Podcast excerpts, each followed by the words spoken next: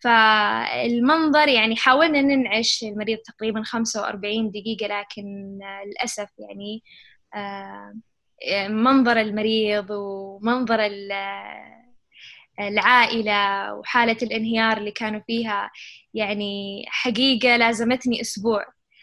آه، فقدت طعم الأكل ما أبغى أسولف ما أبغى أضحك. آه، أهلي حزنانين علي يعني الوضع كان مأساة بالنسبة لي إنه أول ما أصحى من النوم أتذكر الموقف قبل ما أنام أتذكر الموقف.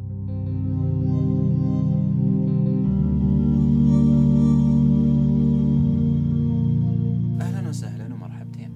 جلوكوز وش يتبادر ذهنك أول ما تسمع كلمة جلوكوز؟ كثير ناس قالوا سكر.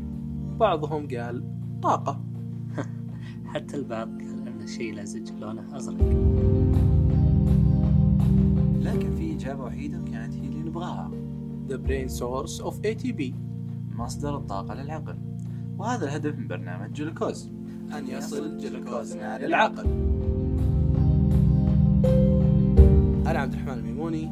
وأنا منصور النفيسة. من خلف الكواليس عمر عبد الله. ومعنا جلوكوزنا اللي بنعطيكم إياه على شكل جرعات بودكاستية. ومحتوى هذه الجرعات مقابلات مع أشخاص مميزين في المجال الصحي. راح نتعرف عليهم ونكتشف كيف كافحوا أكثر من غيرهم. لين وصلوا للي هم عليه الحين.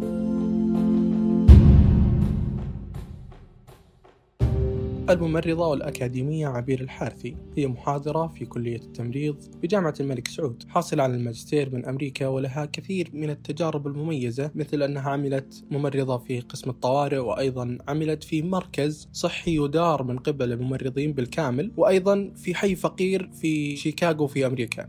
أهلا وسهلا عبير. أهلا أخوي عبد الرحمن. الله يعافيك. آه، بالبداية ودنا كذا تعريف أو نبذة تعريفية عن نفسك. إن شاء الله. أتوقع هذا أصعب سؤال.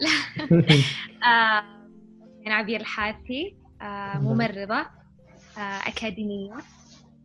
درست التمريض في جامعة الدمام بالمنطقة الشرقية. بعدها اشتغلت ممرضة طوارئ فترة. بعدين طلعت ابتعاث لأمريكا. درست الماجستير في University of Illinois شيكاغو وبعدها رجعت وحاليا أدرس في جامعة الملك سعود بالرياض ما شاء الله تبارك الله طيب آه عبير ما شاء الله عندك آه يعني أكثر من تجربة مميزة ومثرية بس آه في كذا.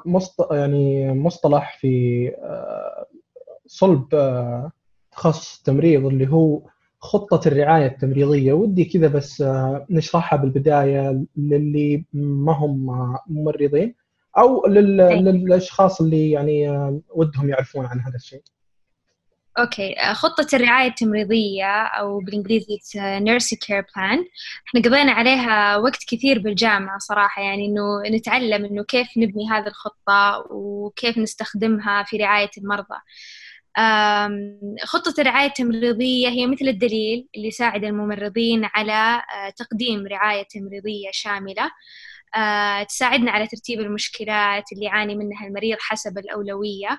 آه، تعتبر أساس لتقييم حالة المريض وإيش اللي يعاني منه. برضو تساعد في بناء مهارات حل المشكلات التفكير النقدي وبرضو تساعدنا في تطبيق المعرفة العلمية على أرض الواقع. هي آه، يعني تعتمد على شيء اسمه nursing diagnosis أو التشخيص التمريضي. آه طب الناس بتقول أوكي الحين الطبيب يشخص هل بعد الممرض يشخص؟ نعم ولكن يختلف التشخيص بحيث إنه الطبيب لما يشخص يركز على المرض الممرض لما يشخص يركز على ردة فعل المريض للمرض. كيف. أعطيك مثال.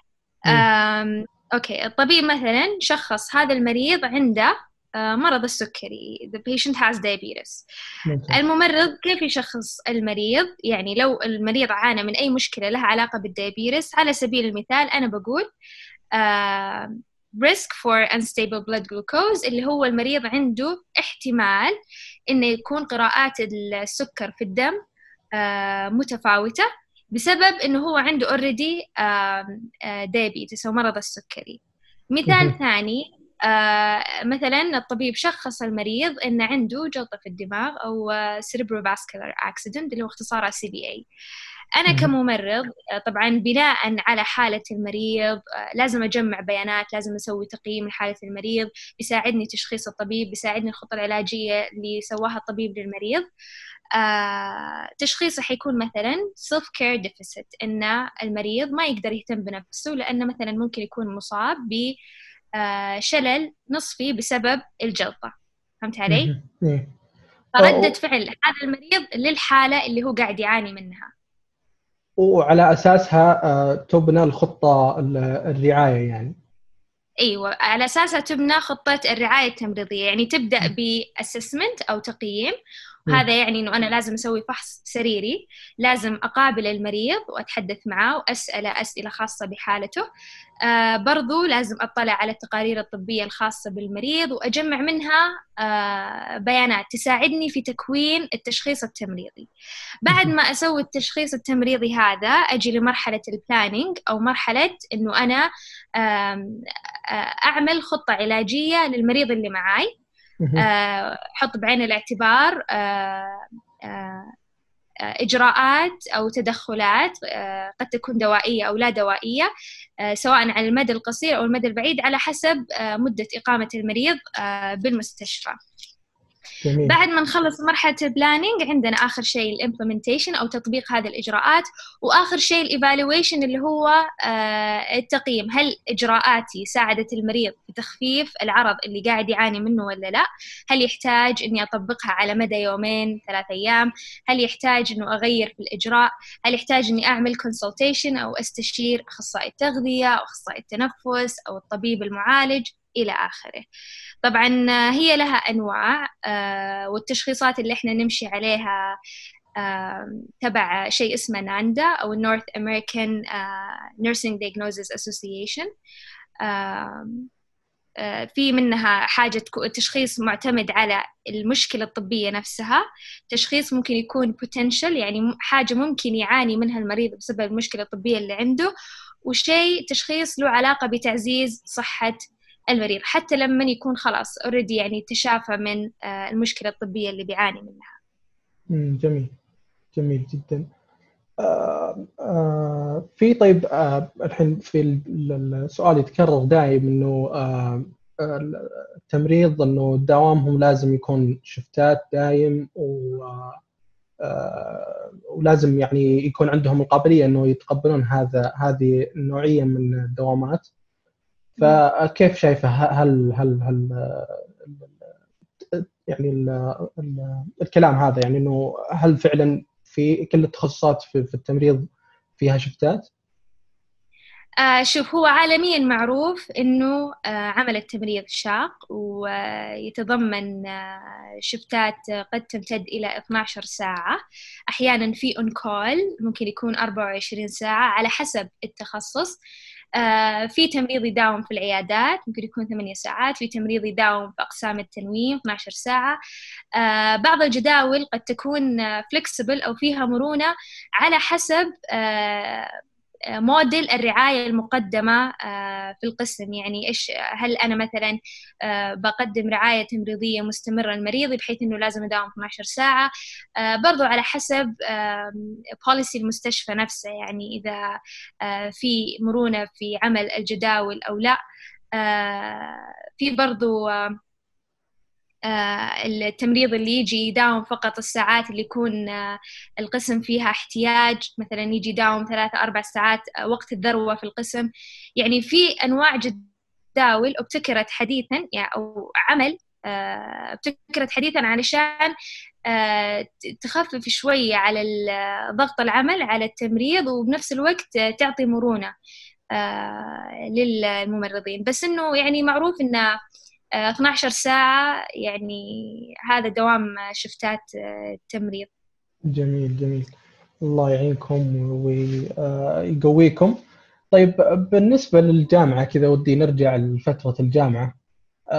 كيف كانت أيوة. عبير تفكر؟ هل مثلا قالت إنه بختار التخصص الفلاني ولا بتخصص في في, في التمريض في التخصص الفلاني؟ عن هالمرحلة يعني وش وش كانت وش كان تفكير يعني عبير في هالمرحلة؟ أوكي. عبير قبل الجامعة آه، وقت اختيار التخصص. يعني أنا كان عندي اهتمام بالعلوم الطبية بشكل عام يعني. آه ال... وكنت أبغى أشتغل بالمستشفى وكنت أبغى أشتغل مع مرضى والأدوار اللي كانت واضحة بالنسبة لي اللي هو دور الطبيب آه ودور الممرض. مو إنه بمعنى إن أنا فاهمة آه عمل الطبيب بالضبط كيف أو عمل الممرض يعني كانت عندي آه صورة عامة يعني زي أي أحد. آه ما كنت أعرف بالضبط الممرض إيش يسوي بس أعرف إنه يشتغل بالمستشفى مع المريض آه، بيساعد المريض إلى آخره. آه وقت اختيار التخصص آه خالتي قبل التقاعد آه كانت ممرضة وممرضة جدا ناجحة في عملها. آه حتى أذكر أيام إحنا صغار يعني كنا نروح عند آه خالاتي وكذا إنه هي اللي كانت دائما تنام بدري وقت العزايم ودايم آه مخلصة في عملها وتطلع الوقت آه يهمها الوقت. ولما نسولف معانا الكل يسمع لي كنا نشوفها شيء عظيم. ما شاء الله. فتقدر تقول تأثرت شوية يعني بوظيفتها بس وقت لما كلمتها وقت اختيار التخصص قلت لها خالتي يعني أنا أفكر أدخل تمريض. قالت إذا في تخصص ثاني تقدرين تدخلين روحي لأن التمريض جدا شاق جدا صعب. يعني صح أنا وصلت للي أنا وصلت له بس يعني بعد معاناة. ف يعني هذا الشيء ممكن في ناس يقولون طب صدق يعني ليش ما اخترتي تخصص؟ يعني إذا الممرضة نفسها قالت لك لا تختارين هالتخصص. بس أحس إنه لا كان زي ما تقول دافع إنه لا صدق أبي هذا التخصص حتى لو كان صعب حتى لو كان شاق. يعني this is what I want. ما عندي مشكلة بالصعوبة وكذا وأبغى أكتشف هذا التخصص. يعني وكذا ولا كذا هو من ال top choices بالنسبة لي أو من الخيارات الأولى لي بما إنه أنا كنت أبغى أشتغل في المجال الصحي عموما. فالحمد لله انقبلت بالتخصص ودرست البرنامج تقريبا أربع سنوات. وتقدر تقول كل سنة كنت أفهم التمريض صح. يعني كان يتضح لي الدور. آه وبس يعني الحمد لله يعني بعد الأربع سنوات كان تطبيق الامتياز وبعدها تخرجت. وإلى الآن يعني حتى بعد مرحلة الماجستير آه قاعدة أكتشف أنه كيف دور التمريض يمتد يعني حتى خارج أسوار المستشفى والعيادات. آه بس. اي طب عن الجامعة بوقت الجامعة آه كان عندك يعني فكرة وش تختارين تخصص داخل التمريض ولا بس إنه آه أبغى اكون ممرضه في المستشفى؟ آه وقت الدراسة لا بس لما طبقت آه فترة الامتياز آه مريت بكل الأقسام ما عدا أقسام الرعاية الحرجة يعني هذا كان بوليسي المستشفى اللي طبقت فيه الامتياز إنه يعني طلبة الامتياز يبتعدوا عن أقسام العناية الحرجة. طبقت في كل مكان ما عدا أقسام العناية الحرجة بس أخذت فكرة إنه ولا واحد فيهم أبغى أشوف نفسي فيه أو أشتغل فيه. على إنه العلوم كانت متنوعة المهارات آه، استفدت كثير تعلمت واجد بس آه، بالنسبة لي كانت تعتبر slow pace learning curve يعني كان بطيء شوية التعلم في هذه الأقسام خصوصا أقسام التنويم آه فأول ما خلصت سنة الامتياز وقالوا لي إيش تبين تتخصصين؟ قلت طوارئ. أنا أبغى الطوارئ أبغى أجرب الطوارئ. يعني بالنسبة لي حتى كان عادي ما عندي مشكلة لو أجرب فترة وإذا ما عجبني أحاول أغير القسم اللي اشتغلت فيه. ف... واشتغلت بالطوارئ الحمد لله وتجربة أبدا ما أندم عليها. يعني وأي أحد يقول لي ودي أتخصص طوارئ أقول لا go ahead. It's the way to go يعني. طيب إيش إيش اللي شفتيه في الطوارئ؟ يعني حسسك إنه هذا هذا التخصص اللي أنا أبغاه. وعن تجارب التجربة يعني ك ممرضه في قسم الطوارئ. كيف كانت تجربتك في هالقسم؟ أوكي. آه طبعا آه أنت تعرف قسم الطوارئ هو عند باب المستشفى. صح. فأنت حرفيا أول واحد تشوف المرضى. يعني قبل ما يدخلون أقسام التنويم ويصير لهم admission وكذا. فكوني يعني خريجة جديدة خصوصا القسم اللي قدمت عليه كان وقتها لهم عشر سنوات ما أخذوا خريجين جدد بكالوريوس تمريض. كانوا بالعادة يوظفون الناس اللي already عندهم خبرة سواء كان في أقسام التنويم أو أقسام عناية حرجة. فكان في ضغط إنه أنا أثبت نفسي وأثبت مهاراتي آه، في هذا القسم اللي يعتبر فيه كل شيء سريع آه، تشتغل تحت الضغط آه، لازم تتمالك نفسك لازم تثبت جدارتك يكون عندك نوع مهارات معينة تطبق المعرفة العلمية اللي عندك كل شيء سريع سريع. ف على إنه هذا الضغط يعني كان يعتبر ثقل شوية إلا إن الحمد لله يعني نجحت فيه يعني حاولت أطور من نفسي قعدت أخذ حتى قبل ما أبدأ الشغل في الطوارئ فترة إنه أستنى ال decision حق المستشفى يعني إذا قبلوني أو لا. آه، رحت أخذت كورسز اللي هو مثلا ال advanced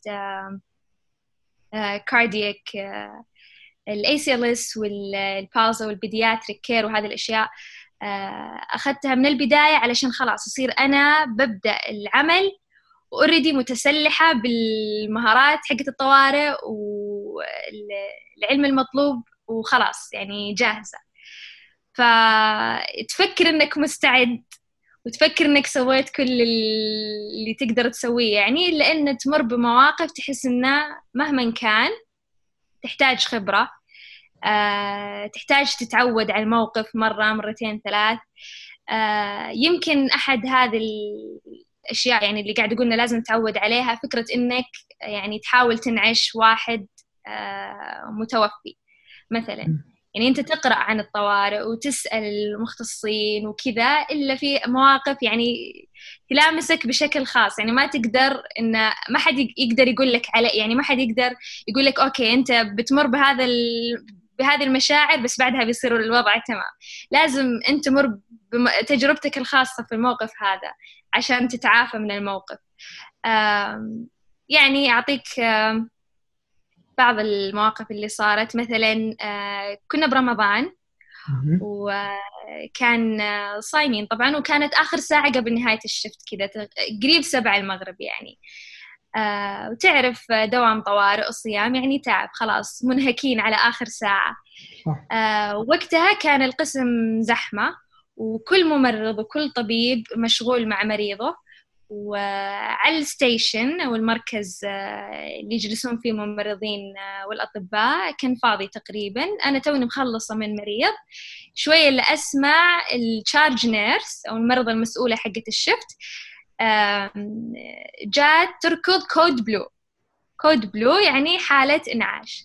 أنا طالع يمين يسار ما لقيت أحد إنه ممكن يجي يساعد يعني آه، معانا. code blue معناته إنه لازم نتجه لغرفة الإنعاش وخلاص يعني ندخل في mode الإنعاش كل واحد يعرف دوره نبدأ نركب الأجهزة على المريض نبدأ ندخل إبر الوريد إلى آخره. فما كان في أحد وركض على طول على غرفة الإنعاش ونشتغل أنا وياها. الحالة اللي جاتنا كانت حادثة آه، طعن للأسف. آه والطعن كان في أكثر من مكان والمريض already فقد كمية كبيرة من الدم فوصل لنا متوفي already الله يرحمه. آه في المنظر يعني كان شيء مفجع بالنسبة لي خصوصا إنه يعني إحنا تجينا حالات إنعاش بس غالبا يعني كانت كان وقتها كبار سن وكذا آه، أو ناس أو مرضى عندهم already terminal disease يعني مثلا سرطان وغيره. آه، إلا انه يعني trauma مثل كذا حادث الطعن ما مو دائما يجي للقسم اللي للمستشفى اللي إحنا كنا نشتغل فيه. فالمنظر يعني حاولنا ننعش المريض تقريبا 45 دقيقة لكن للأسف يعني آه، منظر المريض ومنظر العائلة وحالة الانهيار اللي كانوا فيها يعني حقيقة لازمتني أسبوع. آه، فقدت طعم الأكل ما أبغى أسولف ما أبغى أضحك. آه، أهلي حزنانين علي يعني الوضع كان مأساة بالنسبة لي إنه أول ما أصحى من النوم أتذكر الموقف قبل ما أنام أتذكر الموقف. أحس يعني هل في شيء ممكن إحنا كنا نسويه علشان نساعد هذا المريض؟ هل في إجراء كان ممكن لازم نسويه؟ ولا أنا عارفة إنه إحنا سوينا اللي علينا يعني. لكن الحمد لله على كل حال. في المواقف هذه يعني تغير فيك شيء شوي بس بنفس الوقت يعني ما ودك تتعود إن تتعود على الموت. و يعني يصير خلاص آه، الوضع بالنسبة لك ما عاد يفرق. بنفس الوقت ما ودك إنه يعني تأثر على جودة حياتك أنت بحيث لما تطلع خلاص بترجع البيت تحاول تقعد مع أهلك تسولف وكذا ما تقدر لأن المواقف هذه اللي صارت آه، خلال الشفت قاعد تأثر علي آه، عليك. فهمت علي؟ صح. طيب ف...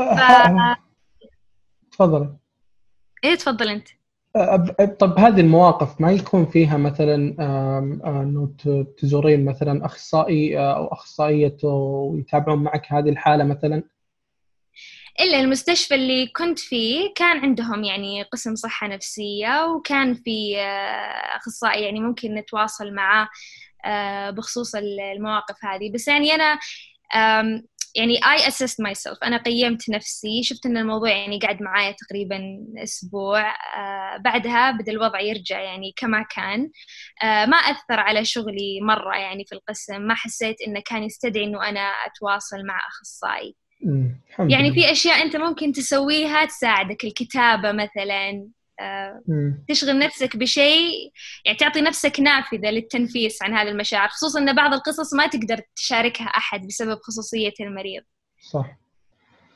الله يرحمه وإن شاء الله ما يكون في مثل هذه الحالات آه، أبدا. وطيب آه، ننتقل للفترة هذه بعد الفترة هذه آه، أتوقع أنه استقلتي واستعديتي لل board وكيف كانت كيف كان أصلا القرار إنه تستقيلين من من العمل وتجهزين لشيء ممكن ما يحصل؟ okay so موضوع الاستقالة هو أنا قضيت تقريبا سنة وخمسة شهور في قسم الطوارئ. وكانت تجربة يعني جدا مثرية آه، استفدت منها كثير اكتسبت مهارات واجد آه، يعني سواء كان شيء اكتسبته على الصعيد المهني أو الشخصي كذلك.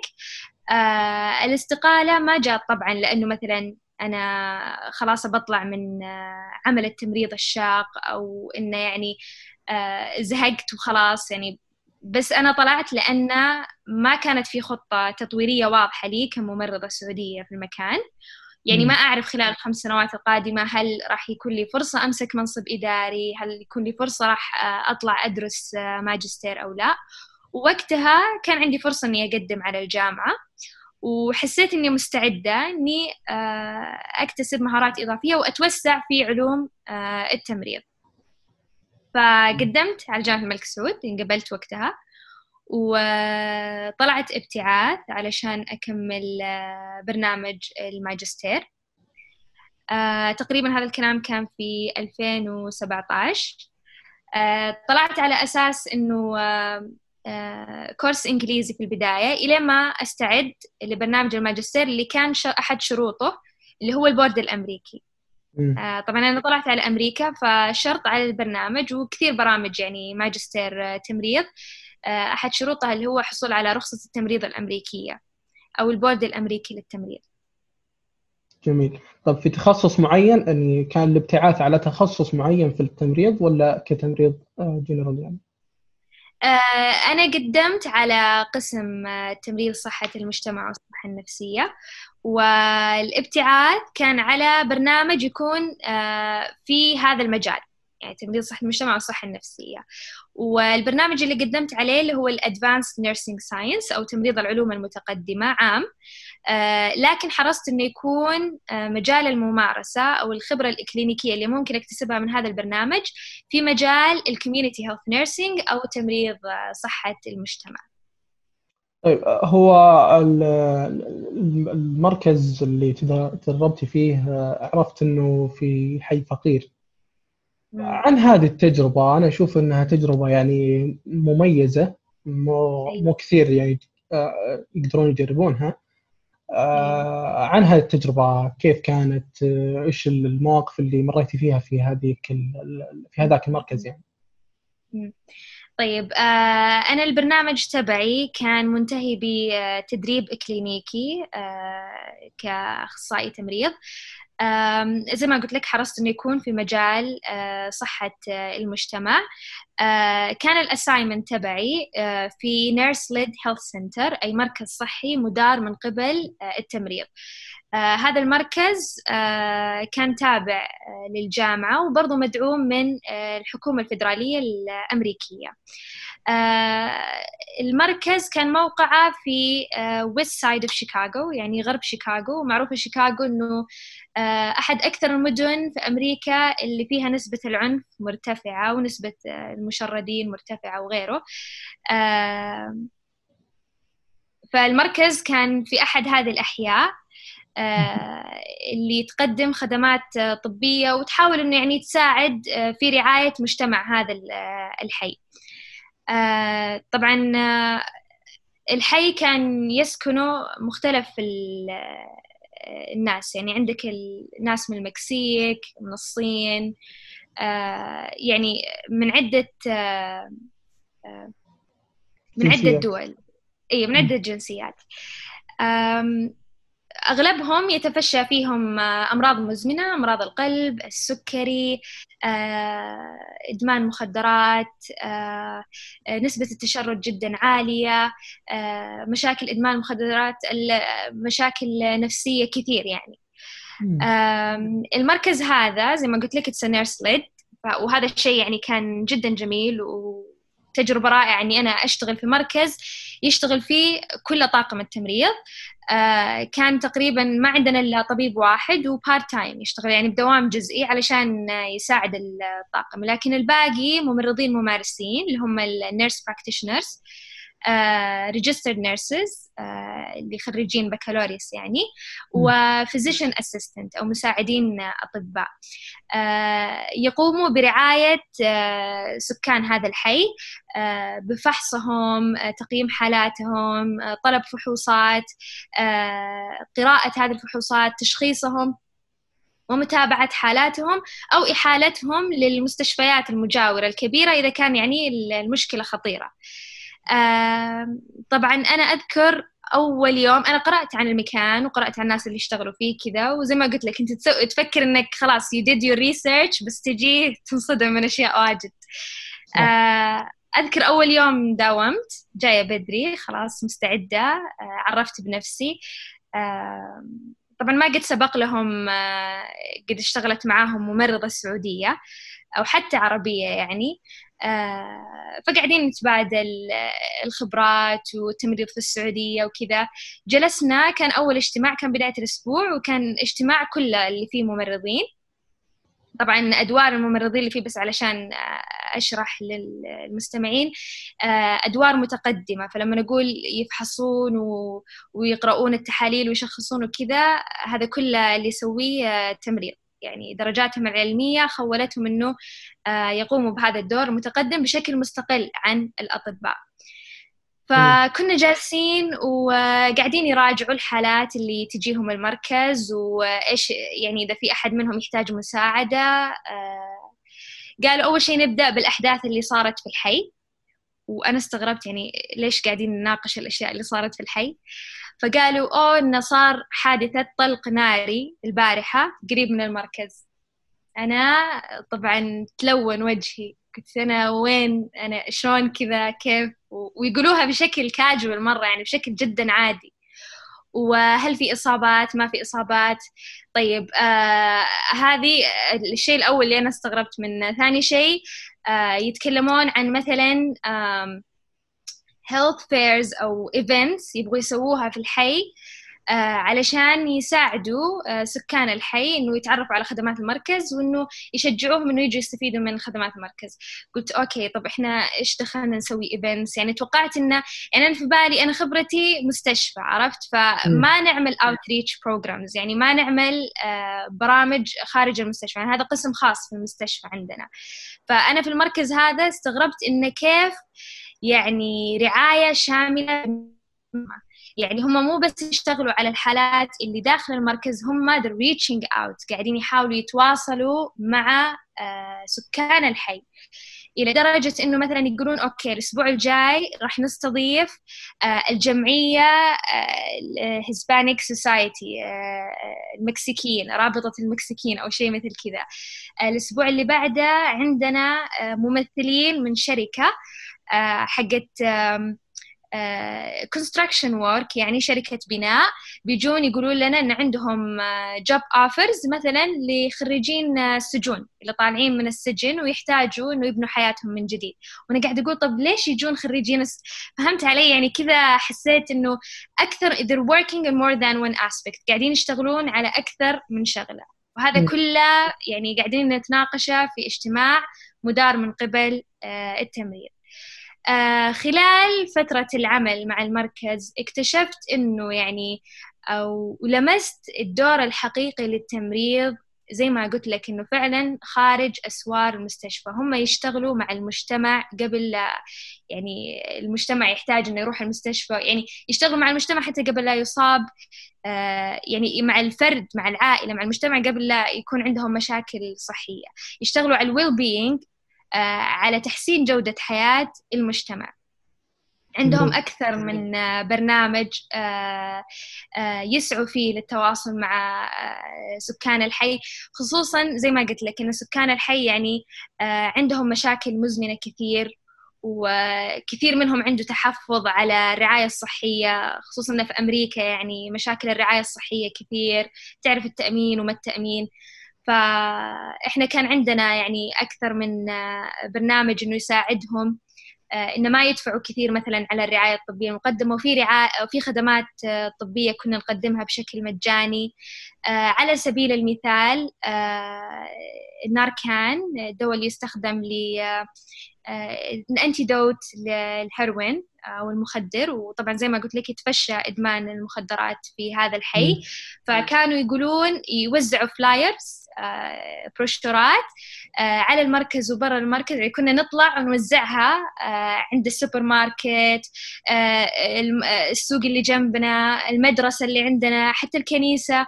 رحنا نعطيهم هذه flyers نقول لهم تعالوا ترى راح نعمل presentation آه، عن هذا على دواء Narcan وراح نوزعه بشكل مجاني. فتعالوا يعني bring your family members آه، جيبوا كل أحد تعرفونه يعني في المركز. وهذه الخدمة, الخدمة هذه كانت كلها بشكل مجاني. فهذه واحد من الأشياء اللي كانوا آه، يعني يسووها لسكان الحي. طيب آه، أكيد إنه في صارت مواقف يعني لك في الفترة هذه. ودي كذا تتذكرين موقف مثلا آه، أنا بالنسبة لي العمل في هذا المركز آه، طبيعة المرضى اللي تعاملنا معاهم آه، يعني زي ما تقول ما هو شيء أنا تعودت عليه من قبل. أوكي أنا درست إن ما أحكم على أحد لما أحد يجي يتعالج عندي لا أنظر لدينه ولا لونه ولا لمكانته الاجتماعية الكل سواسية عندنا. أنا بأنظر له كإنسان. آه كوني أعمل في هذا المركز يعني كان يجينا آه كثير ناس مثلا آه بائعات الهواء المشردين آه، مدمنين المخدرات بعضهم طالعين من السجن مثلا قضية قتل أو كذا.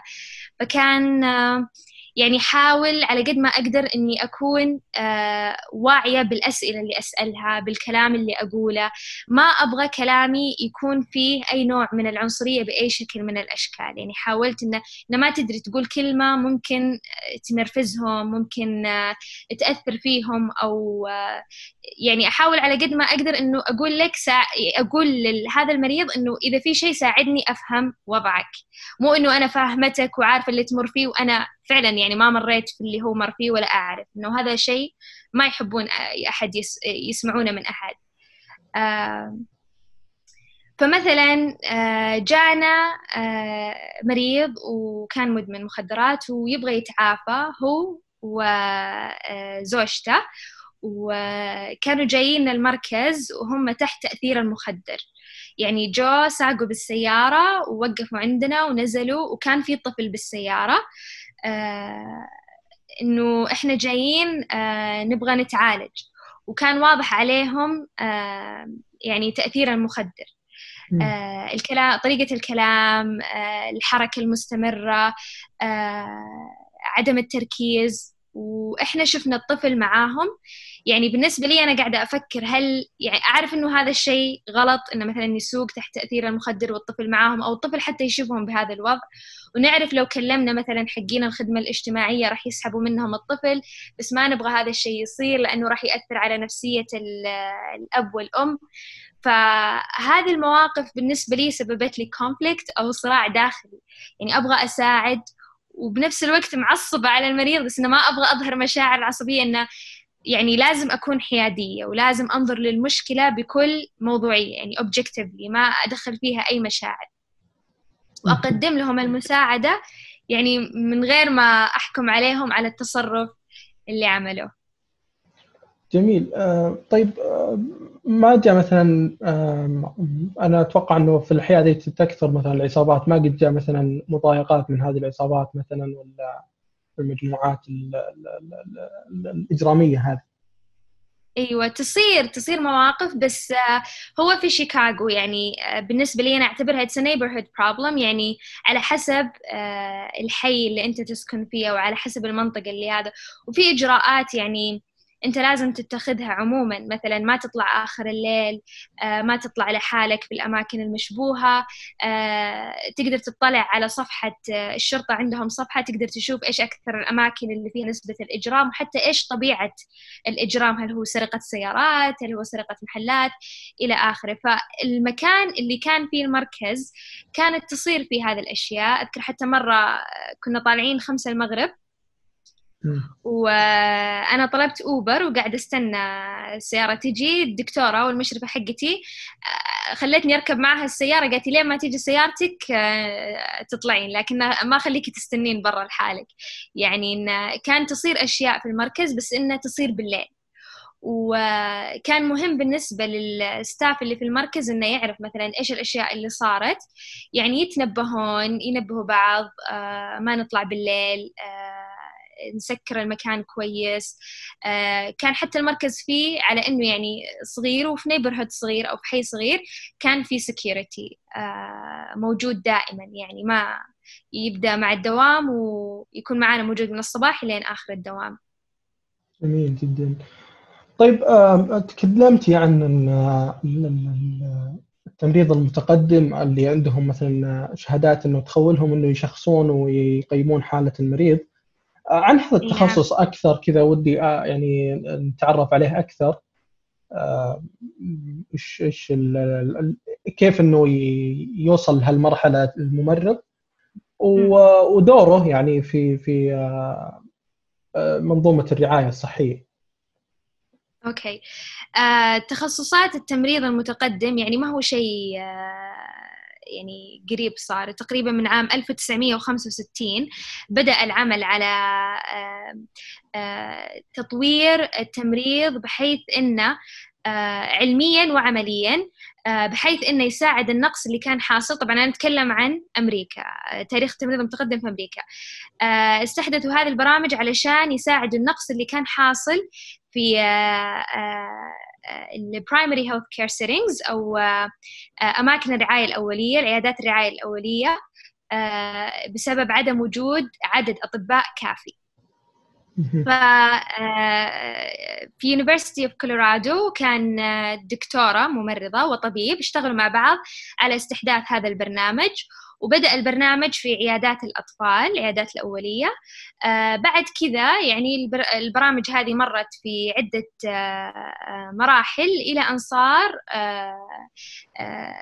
كلمة Advanced Nursing Practice تتضمن تخصص ال nurse midwifery أو تمريض القبالة تمريض التخدير التمريض المتقدم بجميع تخصصاته وال clinical nurse specialist أو أخصائي التمريض الإكلينيكي بجميع تخصصاته.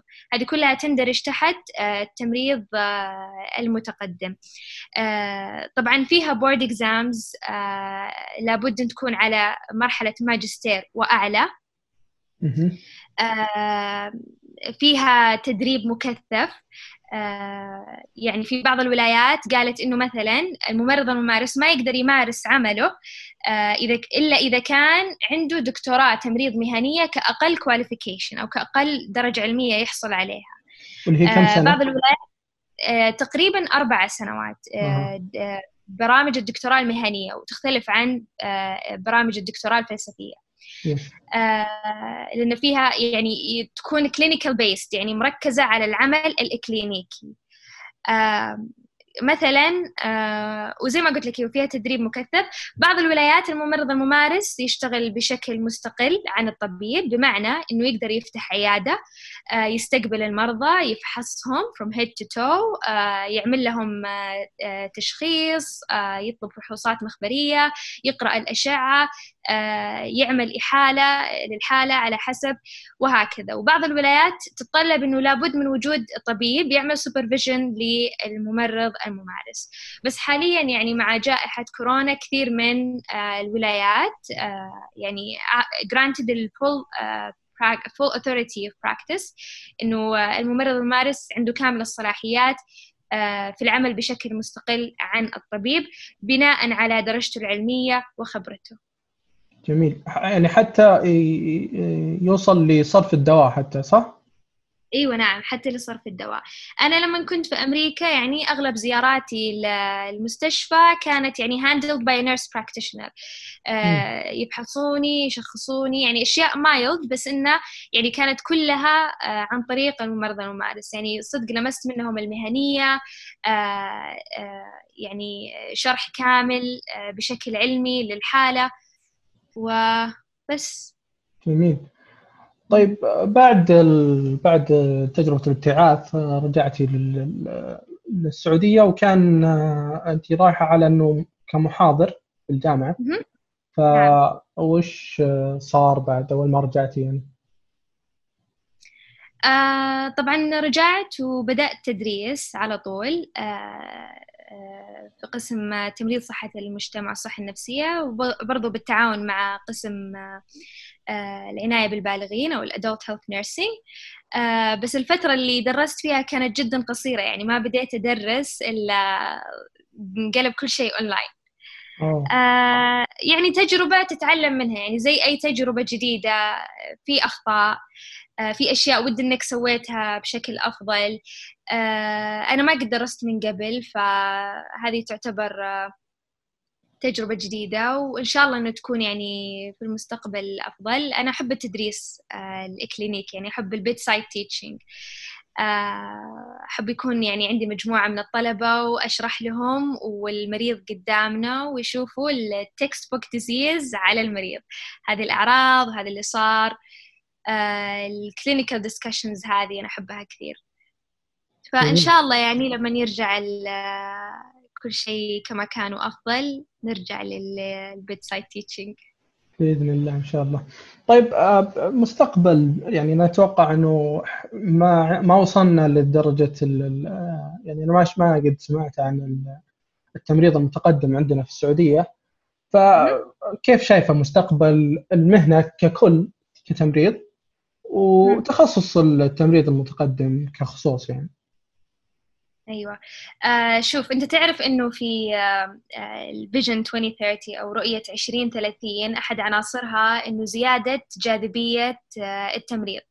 فالبلد مهتم بالتخصص وانت علشان آه تحسن من القطاع الصحي بشكل عام لازم تستثمر بأحد أهم عناصره اللي هو التمريض بحكم إن التمريض هو القوة العاملة اللي تمثل تقريبا 50% من بقية التخصصات في المستشفى.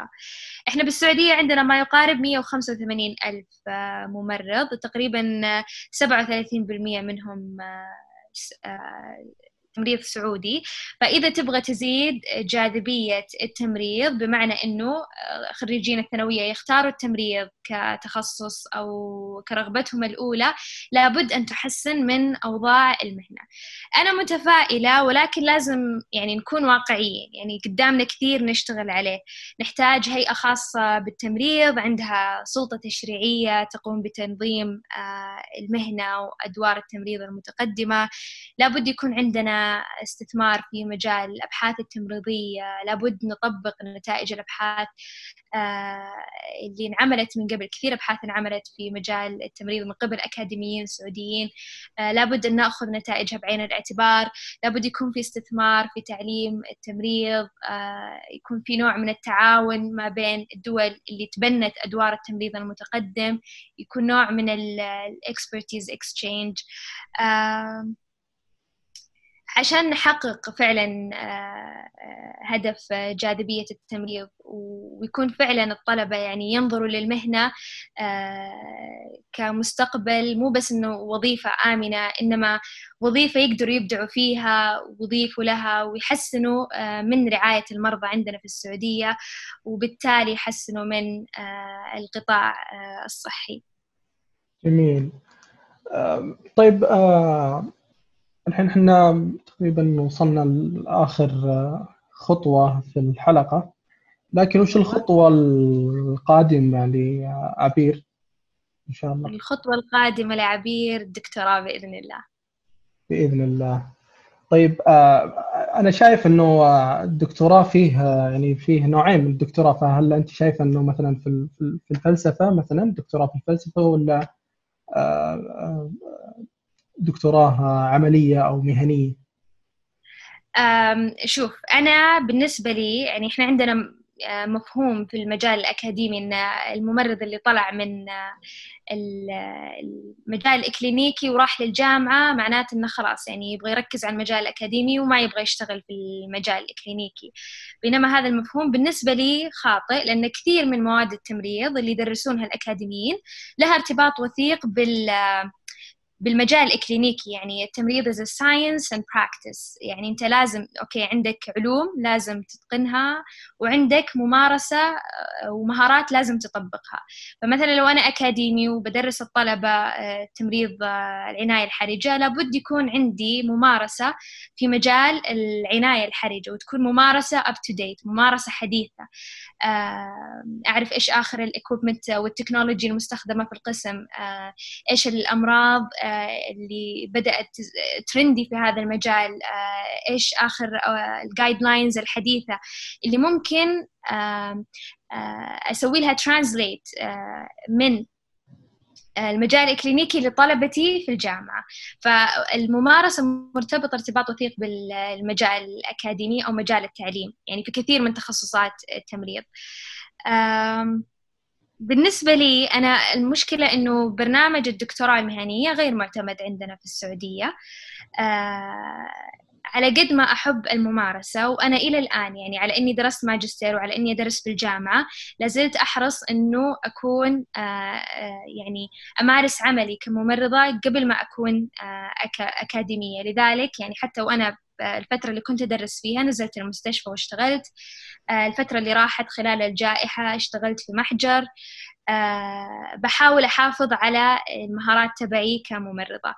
آه، الدكتوراه الفلسفية بتساعدني كثير في مجال التعليم ومجال الأبحاث.